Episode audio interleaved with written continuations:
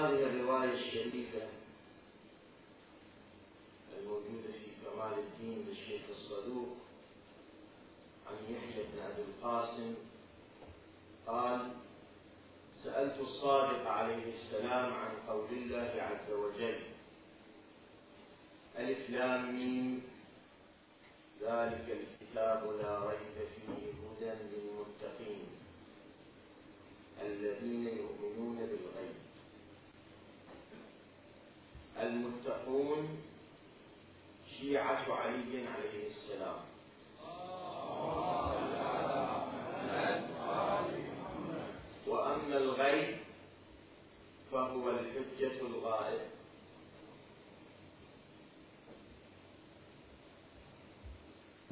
في هذه الآية الكريمة تعطي منهج لمعرفة حقيقة الإمام. هذا المنهج يبين أن الإمام الغائب عجل الله تعالى فرجه الشريف يختلف عن باقي الأئمة فهو الغيب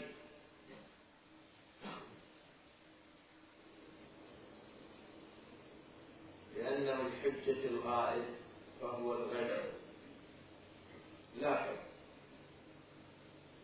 أولا لنعرف كيف أنه الغيب صلوات الله عليه شيء آخر نعرف معنى الغيب ما هو اللي أمرنا في الكتاب الكريم بالإيمان به الإمام غيب هناك شيء غيب وهناك شيء مغيب لنعرف إحنا قد نعرف من الإمام هل نعرف كون غيب أم نعرف كون مغيب الفارق بين الغيب والمغيب ما هو الفارق بين الغيب والمغيب كالفارق بين الشهود والغيب الله تبارك وتعالى قسم المخلوقات والكون إلى قسمين عالم الغيب والشهادة فهو يعلم الغيب ويعلم الشهادة. هناك عالم شهود وهنالك عالم غيوب. عالم الشهود هو هذا العالم الذي نحن فيه حاضرين فيه موجودين فيه. هذا العالم يسمى بعالم شهود. هذا الذي ندركه ونحسه ونعيش فيه هو عالم الشهود. عالم الغيب هو وراء هذا العالم الذي لا ندركه ولا نحس بحواسنا وإدراكنا وإدراكاتنا العادية. وإنما هو من عالم آخر. هذا العالم نحتاج إلى أدوات وإلى وسائل أخرى لنعرف ذلك العالم. لاحظ هذا العالم اللي هو عالم الغيب. عالم الغيب يقسمون إلى عوالم أيضا إلى عالم الملكوت. ويقسمونه إلى عالم الجبروت. ويقسمونه إلى عالم الأمر ثلاث عوالم أساسية تدخل في عالم الغيب. هذه العوالم الثلاث هي من عوالم الغيب.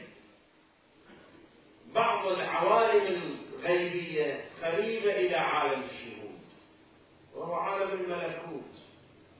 عالم الملكوت من عالم الغيب ولكنه قريب إلى عالم الشهود فكان مسكن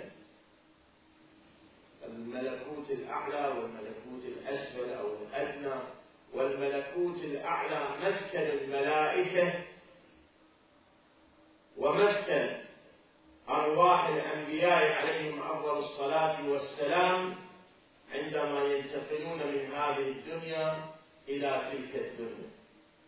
هذا عالم الملكوت الأعلى وأكو خلق ما شاء الله قد خلقه الله تبارك وتعالى مما لا يعد ولا يحصى في ذلك العالم. بعد عالم الملكوت أو فوقه يأتي عالم الجبروت.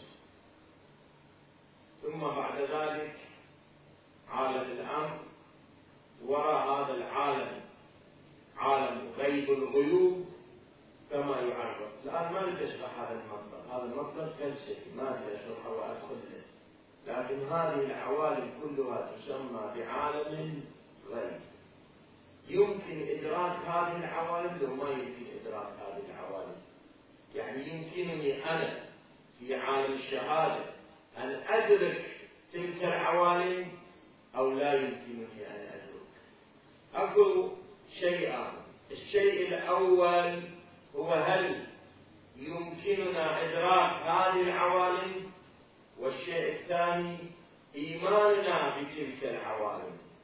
إذا واحد ما أدركه أو ما توفرت فرصة الإدراك لتلك العوالم مثل ما الآن إحنا نؤمن بالعالم الملكوت الأسفل أو الأدنى اللي من جملة موجود فيه الجن.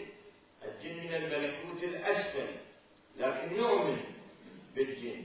والملكوت الأعلى الملائكة نؤمن بالملائكة مع أننا لم ندرك الملائكة لم نحس بالملائكة لم نرى الملائكة. لم نشاهد إدراكنا للملائكة إدراك غيبي وليس إدراك حضوري بالنسبة للمعصومين عليهم الصلاة والسلام يختلفون عنا. إدراكهم إدراك حضوري وشهودي. أما نحن فلا ندرك الملائكة ولكننا نؤمن بهم. يعني ربما بعض الصالحين يوفقون لبعض الإدراكات في بعض المخلوقات. الآن ما ندخل في هذا الموضوع وهو أن ندرك. أو لا ندرك لكننا علينا أن نؤمن. الإيمان شيء والإدراك شيء. الإيمان شيء والإدراك شيء. الإيمان يؤمنون بالغيب. يعني هناك عالم واسع كبير. لو نقيس عالم الشهود إليه يضيع ذلك العالم. عالم الشهود يضيع بالنسبة لزاوية من زوايا عالم الغيوب. عوالم الشهود أيضا فيه عوالم غيوب. يعني نفس الشهود فيه غيوب.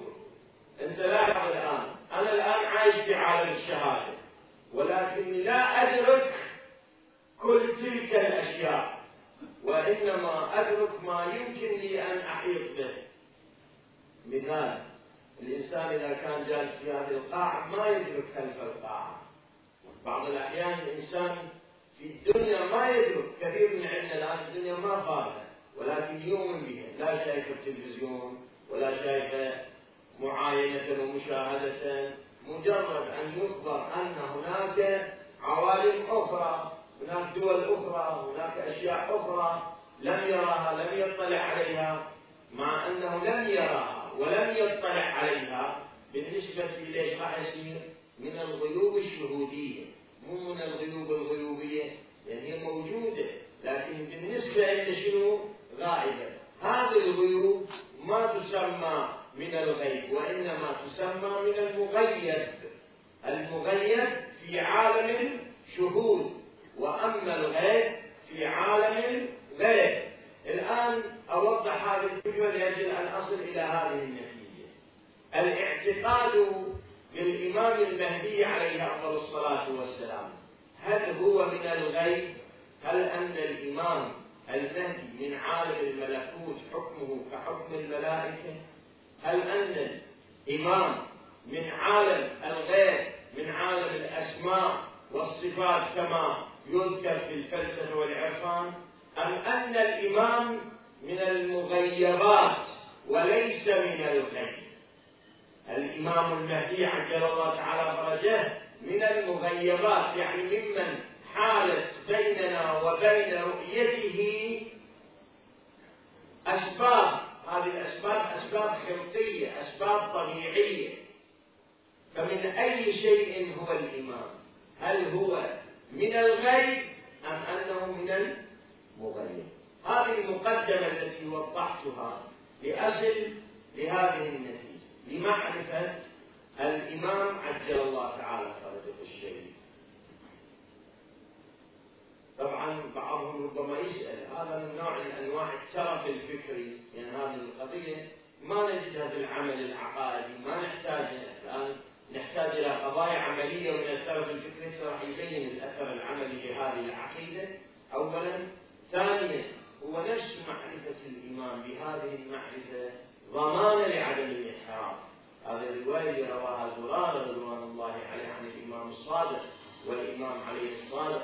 تحدث له عن الفتن المضلة في آخر الزمان والمهلكة فيسأل زرار الإمام يقول له كيف الخلاص؟ قال لا ينجو إلا من دعا بدعاء الغريق. فقال وما هو هذا الدعاء؟ قال اللهم عرفني نفسك فإنك فإنك إن لم تعرفني نفسك لم أعرف نبيك. اللهم عرفني نبيك فإنك إن لم تعرفني نبيك لم أعرف حجتك. اللهم عرفني حجتك فإنك إن لم تعرفني حجتك ضللت عن ديني. معرفة الحجة بكل تفاصيل المعرفة لم يكن من الأمر تركي وإنما المعرفة من الأمر العملي العقائدي الذي نحتاجه لأجل عدم الوقوع بالانحراف. المعرفة التامة المعرفة التامة. طبعا بحدود قابلياتنا وقدراتنا. زين الآن نرجع. نقول أن الإمام هل هو من المغيبات أم أنه من الغيب؟ لاحظ القرآن يقول؟ يقول ألف لام ميم. ذلك الكتاب لا ريب فيه هدى للمتقين الذين يؤمنون بالغيب. القرآن يتحدث عن الغيب عن عالم الغيب. الذي هو فوق الإدراكات الحسية وإنما يحتاج إلى إدراكات وقوى أخرى. ما تقول وصلنا إلى هذا المطلب نشير إلى هل يدرك الغيب أو لا يدرك الغيب. يعني حتى نعرف هل يمكننا إدراك هذه الحقيقة أو عدم إدراك هذه الحقيقة. الغيب هل يمكننا أن ندركه أو لا يمكننا أن ندركه؟ نعم. إذا ما يمكننا أن ندركه حينئذ راح يبقى دائما مجهول في مجهول. ولكن ونحن في عالم الشهود قد حجبته هذا العالم عنا ما نحن فيه من حجب ظلمانية وهي المعبر عنها بخدر الطبيعة باللغة العرفانية والإصطلاح العرفاني يعبر عن بخدر الطبيعة. يعني هذه الطبيعة اللي إحنا فيها من هذه الأجسام وفي هذه العوالم المرتبطة بهذا الجسم محجوبون عن الاطلاع على عالم الغيب لكن مع ذلك لم نكن محجوبين بشكل مطلق وإنما محجوبين ما دمنا نعيش في خدر الطبيعة. إذا قدرنا أن نتخلص من خدر الطبيعة ومن هذا الوجود المادي المحسوس الذي يحيط بنا حينئذ يمكننا أن ندرك ونطلع على تلك العوالم. لأن يمكن أو لا يمكن يمكن أو لا يمكن. هنا عند المنهج العرفاني والأخلاقي يقول ممكن. يمكن للإنسان الإنسان يمكن أن يتخلص. أما كيف يمكنه أن يتخلص من الخد ويطلع على عالم الغيوب؟ تكامل ووصل إلى مرتبة يعبر عنه اصطلاحا بالإنسان الكامل. فالإنسان الكامل يمكنه أن يدرك عالما غيب. الآن الإنسان الكامل من هو؟ على نحو المصاديق أن الإنسان الكامل واضح وهم الأئمة صلوات الله وسلامه عليهم. ثم يلي الأنبياء صلوات الله عليهم. ثم تجي مراتب الكمل والكاملين من عباد الله. مراتب يعني مو مرتبة واحدة. مراتب كثيرة إلى أدنى المراتب. زين.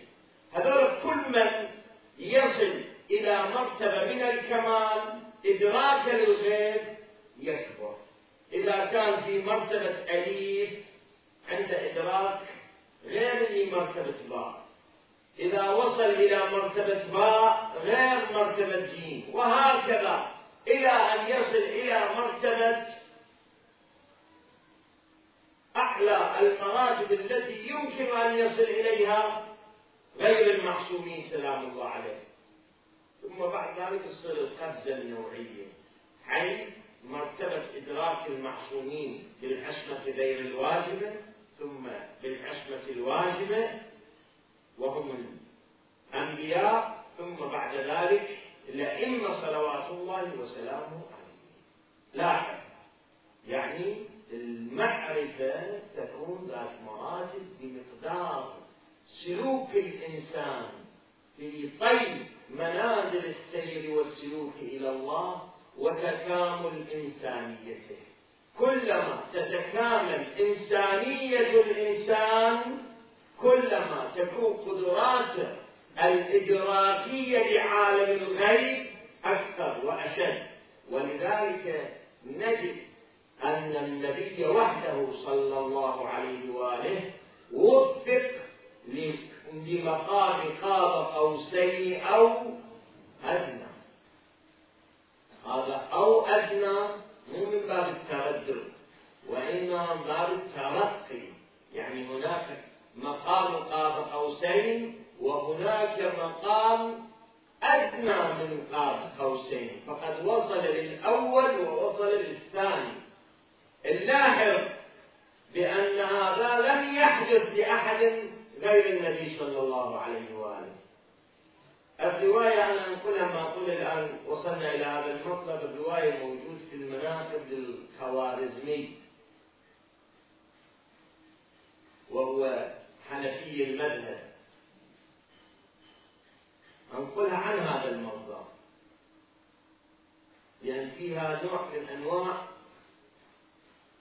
التلقي والتوضيح والبيان المقصود. تثبت هذه الرواية؟ يقول عندما عرج بالنبي صلى الله عليه وآله ومعه جبرائيل واطلع على العوالم الملكوتية إلى أن وصل إلى حجب النور. فعندما وصل إلى حجب النور قال تقدم يا محمد.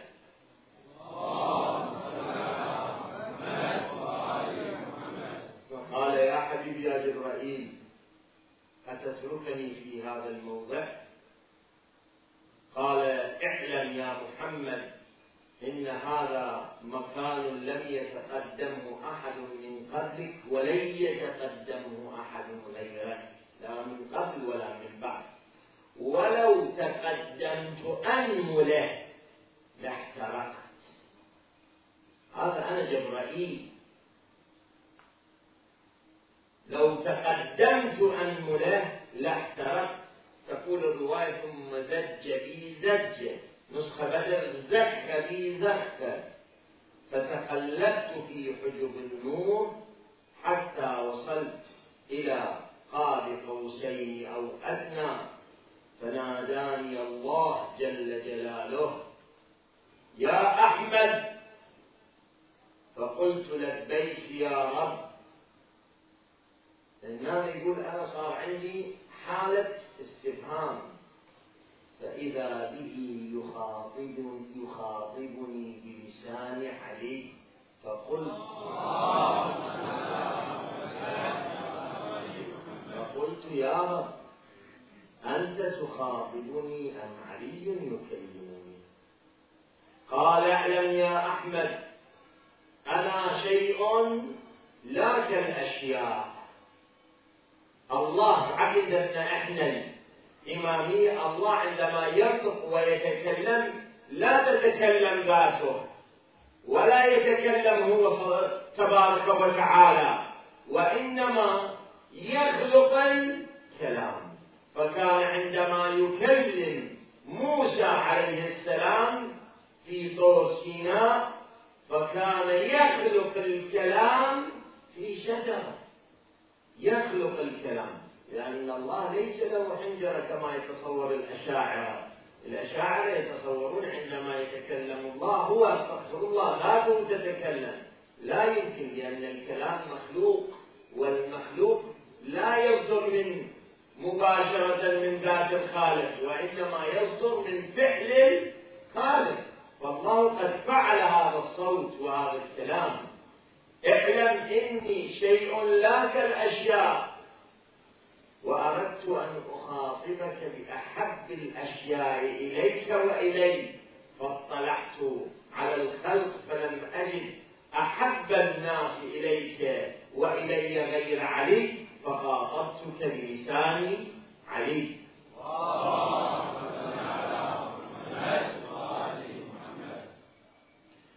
الكلام هنا وجه الشاهد. وجه الشاهد أن عالم الغيب والإدراكات متفاوتة وللنبي صلى الله عليه وآله أعلى تلك المراتب. وقد وصل إلى مقام لم يصل إليه أحد من قبل ولن يصل إليه أحد من بعد. لا. لكن مع ذلك باب الانفتاح على عالم الغيب عالم الملكوت وعالم الجبروت وعالم الامر والعوالم الغيبية التي يمكن للمخلوقين أن يدركوا بعضها أو جلها أو ما شاء الله أن يدركوا فيها هذا ممكن باختلاف مراتب الناس. ولذلك الناس في حالة من حالات تصفيه الباطن تنفتح لهم قوة على ذلك العالم. إنسان إذا يريد يصفي باطنه بالطرق الشرعية التي وردت عن النبي والأئمة صلوات الله عليهم بالتقوى بتزكية النفس فحينئذ يمكنه أن ينفتح على تلك العوالم. تلك العوالم يمكن للإنسان أن ينفتح عليها. وأما إذا لم يكن له هذا التوفيق توفيق الانفتاح على عالم الغيب وتصفية الباطن فإدراكاته تبقى محدودة. ولذلك نجد بعض الصالحين في تاريخنا بل بعض أصحاب الأئمة عليهم السلام وفقوا للاطلاع ببركة الأئمة عليهم السلام وفقوا للاطلاع على بعض تلك العوالم الملكوتية. وعندنا روايات كيف أن الإمام الصادق أخذ المفضل بن عمر إلى عالم ملكوت الأرض. فقال له ذاك ملكوت السماوات التي أراد أن يطلع عليها إبراهيم وهذا ملكوت الأرض. وجه الشاهد. الانفتاح على الغيب بمقدار ما يمكن للإنسان أن يوفق بتصفية الباطن وتصفية الباطن ينشأ بعد أو مع في نفس الوقت مع المعرفة. كل ما الإنسان يكثر معرفة بالله وبأسمائه وبصفاته وبالنبي وبمقاماته وبالأئمة وبمقاماتهم كلما تنفتح له عوالم من عوالم باطل. إذا الانفتاح الحقيقي هو مرتبط بالشريعة. هناك طريقان للانفتاح على ذلك العالم. طريق شرعي وطريق غير شرعي. الطريق الشرعي اللي بينه أئمة أهل البيت عليهم السلام. من أراد الله بدأ بكم. يعني من أراد أن يعرف الله يعرف صفات الله يعرف أسماء الله يعرف جلال الله جمال الله كبرياء الله بدأ بكم. فعليه أولا أن يعرف مقامات النبي محمد صلى الله عليه وآله. ومقامات الأئمة صلوات الله عليهم فإذا عرفهم انفتح على عالم معرفة الله سبحانه وتعالى كما ذكر ذلك الملا صدر رضوان الله عليه في كتابه كسب الأصنام الجاهلية. هذا الطريق من خلال العبادات الشرعية الصوم الصلاة الصدقة الأمر بالمعروف الابتعاد عن المعاصي امتثال المستحبات والمندوبات إلى آخره من البرامج التي وضعها علماؤنا رضوان الله عليهم التي توصل إلى هذا العالم. هذا الطريق الصحيح. وهناك برامج ذكرها. المرزا جواد الملكي رضوان الله عليه في كتاب مطبوع اسمه السير إلى الله وهناك برنامج ذكره المرحوم آية الله العظمى سيد مهدي بحر العلوم المتوفى 1212 في كتابه تحفة الملوك ذكر تلك البرامج التي يستطيع الإنسان أن ينفتح بها على تلك العوالم الغيبية والغيوب هناك برنامج آخر. هذا البرنامج أعوذ بالله شيطاني البرنامج الشيطاني شوف اكو ناس ينفتحون على الملكوت. ملكوت الأسفل على عالم الجن. هؤلاء همهم مو أن ينفتحوا على غيب الله ومعرفة الله ومعرفة النبي والأئمة.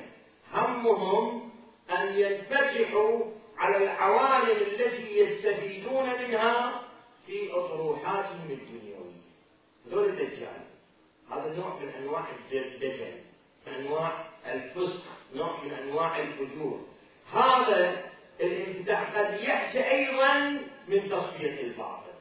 الابتعاد عن مثلا الأكل اللحم والصوم وبعض الأذكار بأسماء الله سبحانه وتعالى وإلى آخره. نفس الشيء لكن هذه بدع أوجدوها هم وطرق أوجدوها هم ليتوصلوا إلى أشياء يريدوها هم. هذا الطريق الموجود عند الصوفية. خذلهم الله. وموجود عند الدجالين وعند الحيانين هذول أيضا يوصلون إلى النتائج. نتائج انكشاف العوالم الغيبية. لكن ما يصلون إلى عالم الجبروت يصلون إلى عالم ملكوت الأسفل. عالم الملكوت الأسفل من الغيب. وربما ينكشفون إلى الجن أو إلى بعض العوالم آه، التي نسميها من الغيبية ويكون من الغيبية من التغييبية. مثلا أن يخبرك عما تأكل أو تشرب أو أو كذا وكذا وإلى آخره هذه ليست من عوالم الغيب. قلنا هذه من عوالم تغييب هذا الغيب واحد. هو إحنا ميزنا حتى نعرف. ما يقدر يخبرك عن عالم الغيب ولكن يخبرك عن عوالم الدنيا عوالم الشهود التي هي غائبة عنك وعني هذه الحالة يمكن أن تكون بطريق طبيعي. لكن شيطاني نعوذ بالله. هذا كان موجود. هذه القاعدة موجودة يعني. إنسان الشيطان لأجل أن يأخذ سلطة على الأرواح وعلى النفوس ويبين لك أنه هو روحاني وهو كذا يطلع على الغيب إلى آخره. بطرق شيطانية ممكن. وهذا شفناه في حياتنا. وأنتم شفتوه والناس هي صارت طبيعية. خصوصا في هذا زمان زمن انتشار الدجل والحيل في زمان الإمام الصادق عليه السلام كما تعلمون جاء رجل إلى الإمام قال له يا ابن رسول الله رجل من الهند يعني هندوسي من الهند يخبر الناس عن نياتهم قال كيف؟ قال يخبر كل شيء انت تقرا امامه يخبرك شو تريد يخبرك؟ هندوسي قال ادعوه حتى كاد أن يضل الناس. الناس للأسف ما يميزون عن الإخبار الجدي الحقيقي الذي هو إخبار عن الغيب عن الإخبار الدجل الذي هو ليس من عالم الغيب. ما يميزون أكثر الناس ما تميز وإنما تتعجب تنبهر بهذه الحيل وهذه الأعمال التجارية فربما يصدقون بدعوى هذا المدعي. فالإمام قال جيبوا دخل عليه الإمام إمام قبض قبضة. قال ما في يدي؟ قال في يدك بيضة حمامة باضتها على الشجرة الفلانية بالبلد الفلاني باليوم وبدأ يعطي تفاصيل تاريخ هذه البيضة. هذا هندوسي يعني ما يؤمن بالله. قال صدق. دول من حضور الإمام الإمام يقول له صدقت ما يقول له كذب قال صدقت. الناس كلها ينتظر راح يصير فقال له الإمام عليه السلام كيف حصلت على هذا العلم؟ قال اعلم أني مد عرفت يميني من شمالي ما أطعت هواي طرفة عين أبدا. خالفت نفسي. تشتهي نفسي أخالفها بالصيف تحب البارد ماشي.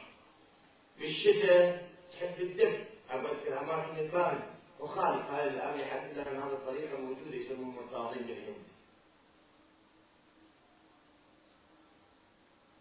وأنا على هذا الأمر إلى أن كبرت فحصلت على هذه الطريقة. الإمام إمام إمام روحي لتراب قدمه الفداء فقال له فإني. يقول ما قدم شيء إلا وقدم إلى نفسي. إن على نفسي تريد أترك إذا ما تريد أستحمل فقال له الإمام صلوات الله عليه فإني أعرض عليك الإسلام. هذا وقع في ورد إذا قبل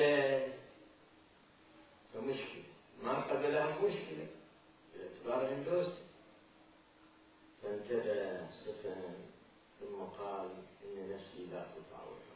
مع السلامة قال أنت مو تقول الإمام إلا مو ما عرض علي شيء إلا عرضته على نفسي وهواي فإن قبلته تركت وما قبلت عليه فأنت الآن على كل حال أنت إذا نفسك لا تطاوع فقاعدتك هالشكل فإما راح يروح منك هذا البنية كلها لأنه خالفت القاعدة وإما يشوف حرق روحك فأحرج قال قبلت فأشهد أن لا إله إلا الله وأشهد أن محمدا رسول الله وأشهد وتشهد بالإمام عليهم السلام فوضع شيء الإمام بيده قال ما هذا الذي في يدي فكر فكر فكر قال لا أدري واحد سأله للإمام قال يا ابن رسول الله من كان هندوسي كان يخبرنا من صار مسلم راح عند العلم قال نعم. إن الله نظر إليه فرآه يخالف هواه والله يحب مخالفة الهوى ويأمر بمخالفة الهوى ويجازي على من يخالف الهوى. هذا لابد يجازى لكن جزاء الله يجازيه الجزاء الأوفى والجزاء الأوفى لا يكون بالدنيا إنما بالآخرة. هذا رآه الدوسي لا يستحق الجزاء الأوفى فجزاه في الدنيا. فجزاه في الدنيا. أي جزاء؟ أعطاه من هذه العلوم والمعارف الرخيصة. السهلة اللي كان ذاك الوقت صعب الآن بواسطة التلفزيون والكمبيوتر وأجهزة التنصت إلى آخره. أصبح الحمد لله هذا العلم اللي كان سر ذاك الزمان نسميه موسى. ومو مهم يمكن الإنسان أن يحصل عليه بكل بساطة وبكل سهولة. لذلك ذهب منه العلم لأن الله نقله الآن صار مسلم نقل الجزاء وين؟ للآخرة. إذا هذه من الأساليب الشيطانية اللي يمكن له الإنسان أن ينفتح على ذلك العالم أيضا. لكن طبعا بدون الدخول بالتفاصيل لكن هذه الأساليب لا توصلك إلى عوالم الحقيقة. لا ترى جبرائيل لا ترى ميكائيل لا ترى النبيين لا ترى مقامات الأئمة لا ترى كذا ولذلك كل من يدعي وهو يسلك هذا السبيل المنحرف أنه يتصل بالأئمة ويرى الأئمة ويشاهد الأئمة فهو دجل فهو كذب. أما أولئك فلا يدعون.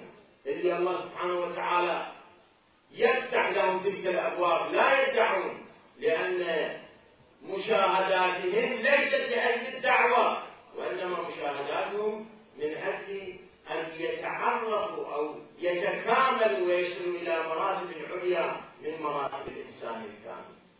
الآن إذا إدراكاتنا للإمام عجل الله تعالى فرجه. الإمام من الغيب والإمام من المغيب.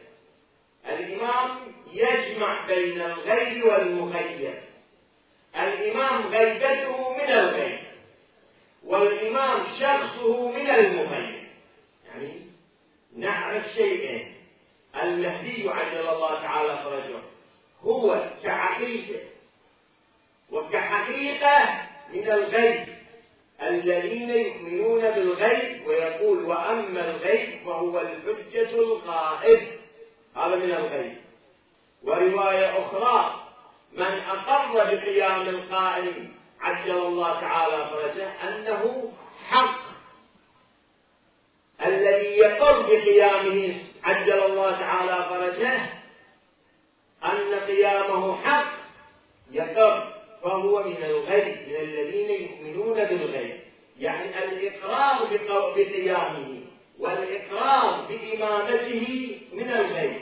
شيء نقول. الإمامة وإمامته فهو غيب. شخصه سمى الإمام شنو؟ الغائب. شخصه الغائب. وأما الإقرار بغيبته فهو من الغيب.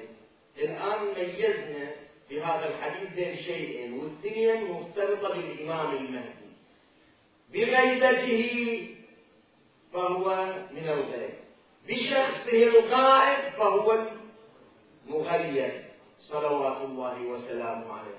مغيب يعني حجبته عنا أشياء. هو موجود كما في الروايات.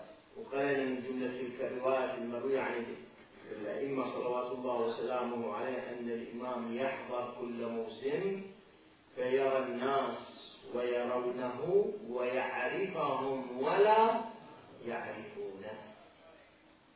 فهو موجود. يمشي ويأكل ويتحرك وله بيت وهذا البيت في الرواية اسمه بيت الحمد وإلى آخره فهو موجود. لكن نحن لا نعرف غيب علينا خوفا على الإمام صلوات الله وسلامه. وأما نفس الإمامة إمامة الإمام فهي من الغيب. شنو المقصود من الإمامة التي هي من الغيب؟ زين ما قالت الإمامة كل الإمامة من الغيب وإنما هي إمامة إمام غائب عجل الله تعالى فرجا من الغيب. فقط هل مقدار الرواية تقول أنه من الغيب؟ يعني مو كل الأئمة إمامتهم من الغيب بس الإمام المهدي إمامته من الغيب. شنو معنى من الغيب؟ إذا هو من الغيب يعني إحنا كنا ما نعرف لأنه هو غيب. لكن نحن نوضح شيء لنعرف لماذا لم نعرف ولماذا كونه سر من الأسرار. الإمام المهدي الذي بشر به الأنبياء وجميع الأنبياء والنبي صلى الله عليه وآله وجميع الأئمة بشروا به صلوات الله عليه وبشروا بغيبته. الإمام المهدي الوحيد الذي له هذه الغيبة الطويلة من الأئمة عليهم السلام. هناك استفهامات كثيرة. استفهامات كثيرة. قد ما يمكنني أنا وغيري أجيبك جواب واقعي. أجيبك جواب ظاهر مثلا. كما مثال حاليا. لماذا غاب؟ وما هي الفائدة من غيبته؟ هذا الجواب ما هي الفائدة من غيبته لماذا غاب خوفا على نفسه؟ ما هي الفائدة من غيبته فحينئذ نقول لهم بأنه كالشمس إذا جللها السحاب.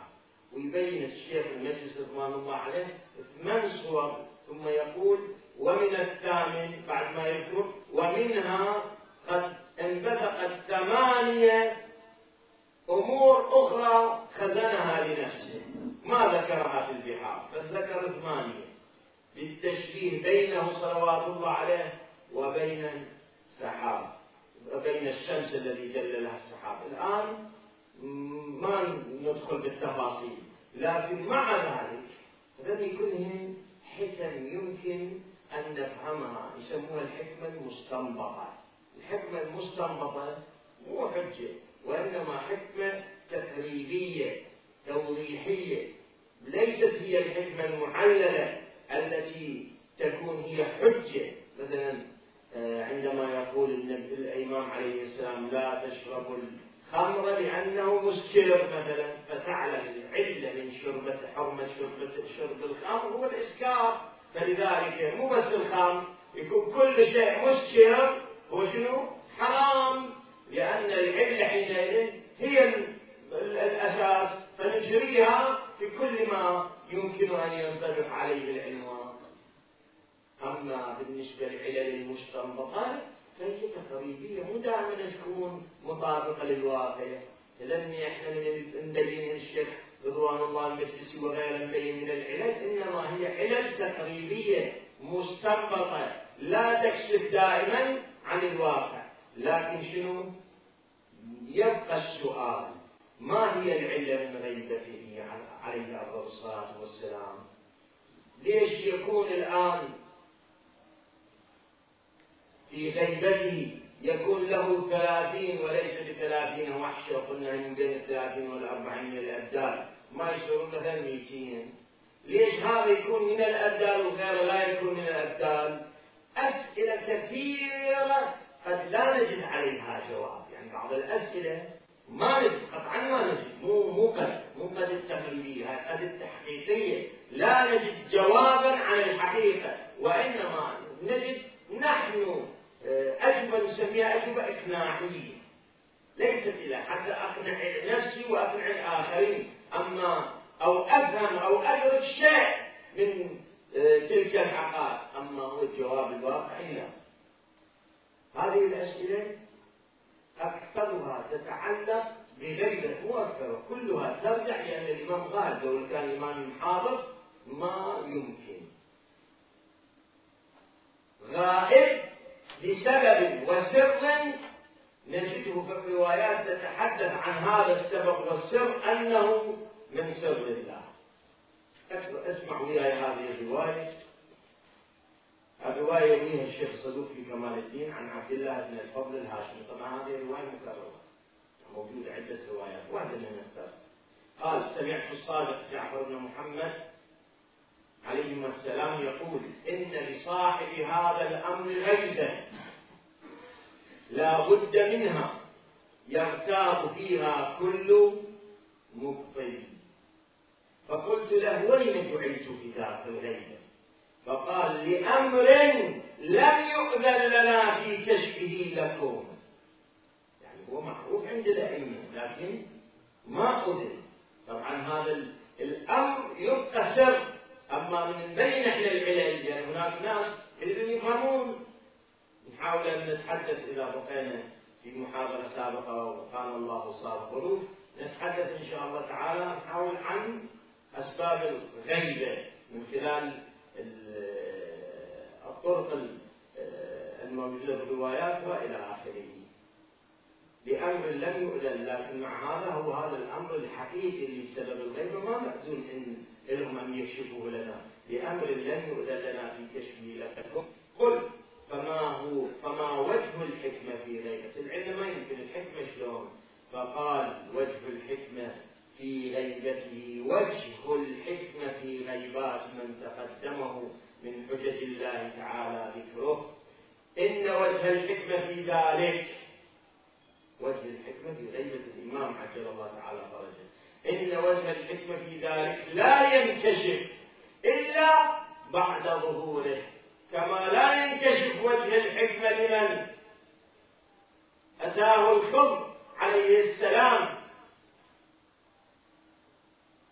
كما لا كما لا ينكشف وجه الحكمة لمن آتاه الخضر عليه السلام من خرق السفينة وقتل الغلام وإقامة الجدار لموسى عليه السلام إلا وقت التراخي شلون أن موسى ما عرف الحكمة إلا شو من التلقوا هذه الحكمة لا تعرف حقيقتها إلا بعد أن يظهر الإمام عجل الله. يا ابن الفضل إن هذا الأمر اسمع هذا وجه الاستشهاد إن هذا الأمر أمر من الله أن يغيب من الله. وسر من سر الله وغيب من غيب الله. غيب. نفس الغيب غيب. ومتى علمنا أن أنه عز وجل حكيم. صدقنا بأن أفعالها أفعاله كلها حكمة.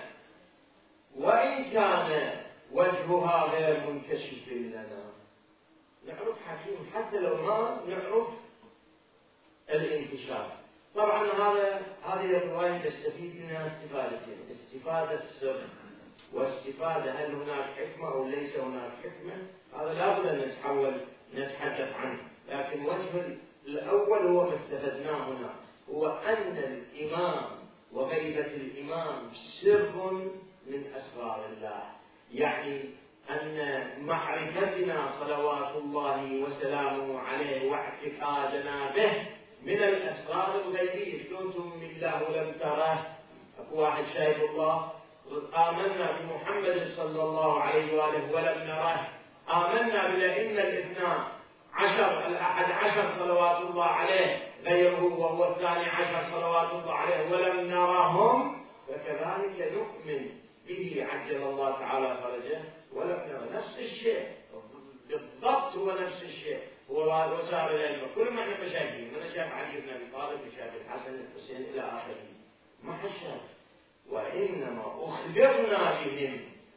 آثارهم دلت عليهم. آثارهم دلت عليهم الفيوضات التي تنزل باليوم والليلة. دائما على الخلق دلت على مقاماتهم وهكذا الفيوضات التي تنزل على شيعة آل محمد عليهم السلام. دلت على وجوده عجل الله تعالى فرجه الشديد مع أنه سر ولكن هناك دلالة على وجوده. هناك شيء دال عليه. الكلام الذي أريد أقول حينئذ هناك لو لم نجد جوابا لسؤال مو معنى ذلك أن القضية لا واقع لها وإنما معنى ذلك أن القضية سر من سر الله. لكن نشوف أن القضية المهدوية ملآنة بالأسرار. ملآنة بالأسرار. فعندما امتلئت بالأسرار حاول أهل القلوب وأهل المعارف وأهل الحق يبذلون جهدهم من أجل معرفة تلك الأسرار. إما بتزكية الباطن أو بالمعارف الحقة أو بأساليب أخرى. لذلك الشوف امتلأت مكتباتنا الشيعية مكتباتنا الشيعية بالكتب التي تحدثت عن أسرار أهل البيت صلوات الله عليهم. هذه الأسرار امتلأت من جملة كتاب بصائر الدرجات في أسرار آل محمد عليهم أفضل الصلاة والسلام. وتعرفون كتاب هذا بصائر الدرجات في هذه الأسرار ألف في زمان الأئمة عليهم السلام لأنه كان من أصحاب العسكري وعاش بدايات الغيبة الصغرى. وهذا الكتاب لحد الآن موجود ومتوفر. هذا طريق هناك طريق شيطاني. هذا الشيطاني لمحاولة معرفة هذه الأسرار بطرق شيطانية. لا لأجل الأسرار شلون يريد يعرف عالم الغيب؟ لا لأجل أن يريد يعرف عالم الغيب. لأجل أن يسيطر على قلوب الناس. والناس للأسف الشديد مو على طبيعة الناس طبيعة العالم يميلون للقضايا الغيبية سواء عن حق أو عن باطل. إذا تحدثهم عن قضايا غيبية تلفت انتباههم سواء كان هذا الحديث عن الغيب بحق أو للأسف بباطل. لابد أن تثقف الناس تثقف العالم تثقف المجتمع على صدق الغيب لأن الغيب نحن مأمورين أن نؤمن به. لكن نميز لهم أن هذا غيب حق وهذا لا يروحون في الجانب الآخر. يشوفوا كله غيب ويصوروا هذا كله واحد ومو واحد. الآن مولانا موجود في الهند قضايا خوارق الطبيعة الإنساني يمكن مو معاجز خوارق الطبيعة يعني بالشكل الطبيعي قد الإنسان يحس بأشياء مستحيلة.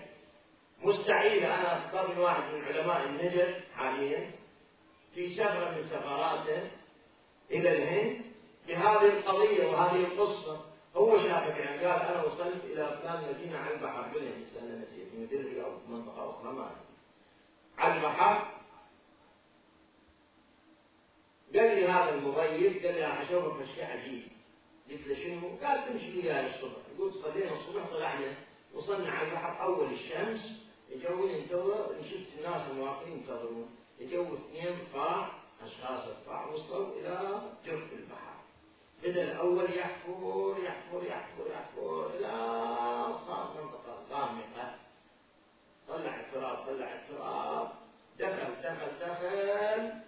فراسه ضاع ورفع ايديه فحينئذ فقط بقى كفيه فوق الثاني بدا يذب عليه الرمل الرمل الرمل الرمل إلى ان فوق راسه فوق فوق راسه ايده رفع عليه فوق يعني المسافه بس الكفين ولا شفت أنا بعيني فلوس اخذ لما الفلوس وراحوا هذه الرياضات ممكن ان تحدث هذه الرياضات الشيطانيه يمكن ان تحدث من يجي الان نسمع أن صاحب هذه الدعوة أعوذ بالله هذا يدعي أنه المهدي وعنده هذه الأساليب الشيطانية. ولو أنا أعتبرها أساليب يعني حسية قديمة. مثلا يخبرك اسمك وما ادري شنو سهل يروح يسأل واحد قبل ما تجي يروح يسأل هذا يطلب معلومات عنه منه وشنو وكذا أو يستعمل أساليب سحرية ودجل وإلى آخره. فهذا المسكين المتدين البسيط الساذج الفلاح يصدق بهذه الكلمات ويجي ركب ويبيع عنده والما عنده من أجل أن يصير هذا الذي يزعم أنه المهدي. ويتوقع المهدي هو هذا.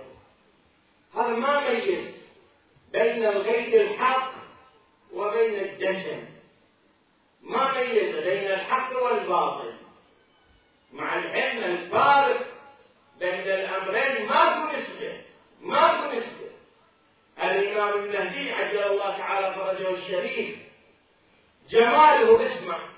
هذا المفروض يستخدم جمال الصورة أو جمال الصوت كما قيل لأن بعض المدعين المهدي جمال المهدي صلوات الله عليه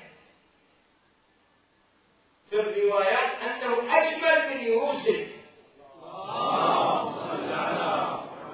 بل أن يوسف يخجل من جماله صلوات الله عليه إذا وقف في مكان مظلم أشرقت الدنيا بنوره عندنا الروايات أن كما روي عن عائشة كانت الزهراء سلام الله عليها إذا وقفت بالليل إلى الصلاة أشرق نورها على جدران المدينة.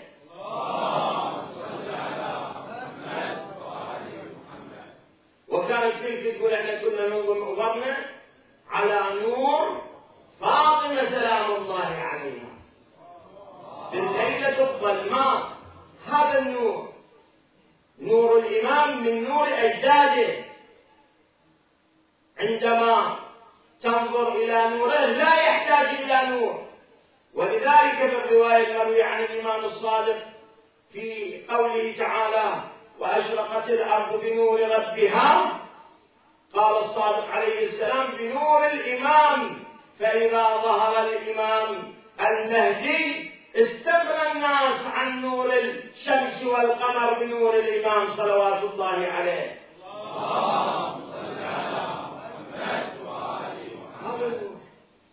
هذا الحقيقة تجي الباقي كله دجل.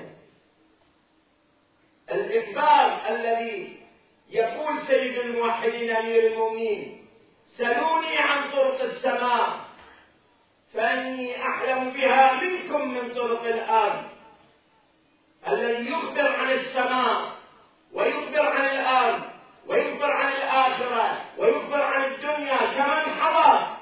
بل هو حاضر صلوات الله عليه. لأن علم الأئمة عليهم السلام كما تعلمون بهذه المنزلة. ياتيك واحد يدجل بكلمات يعني اسم ورسم وشهادات كلمات تافهة باعتبارها أنه المهدي. لا بد من تثبيت الأمة على صدق الغيب والكذب المدعى المزعوم. وإلا يستلزم الالتباس كل من ينعق نركض وراءه وكل من يصرخ نركض وراءه وكل من يأتيه نركض وراءه. وبعض المساكين يبيعون العلم وما علم يركضون وراء هذا الدجال حتى يبيعون الحصة التموينية ويخلون أطفالهم ونساءهم لا طعام فهل الحجة والمهدي محتاج إلى الحصة التموينية؟ الحجة إذا ظهر يحث المال حثوى ولا يحده حتى. الحجة يحث المال يعطي المال. لا يحتاج إلى مالك ومالي ومال الدنيا كلها. الإمام هو المعطاء. حينئذ نعرف المحق من المبطل. الغيب هو الغيب.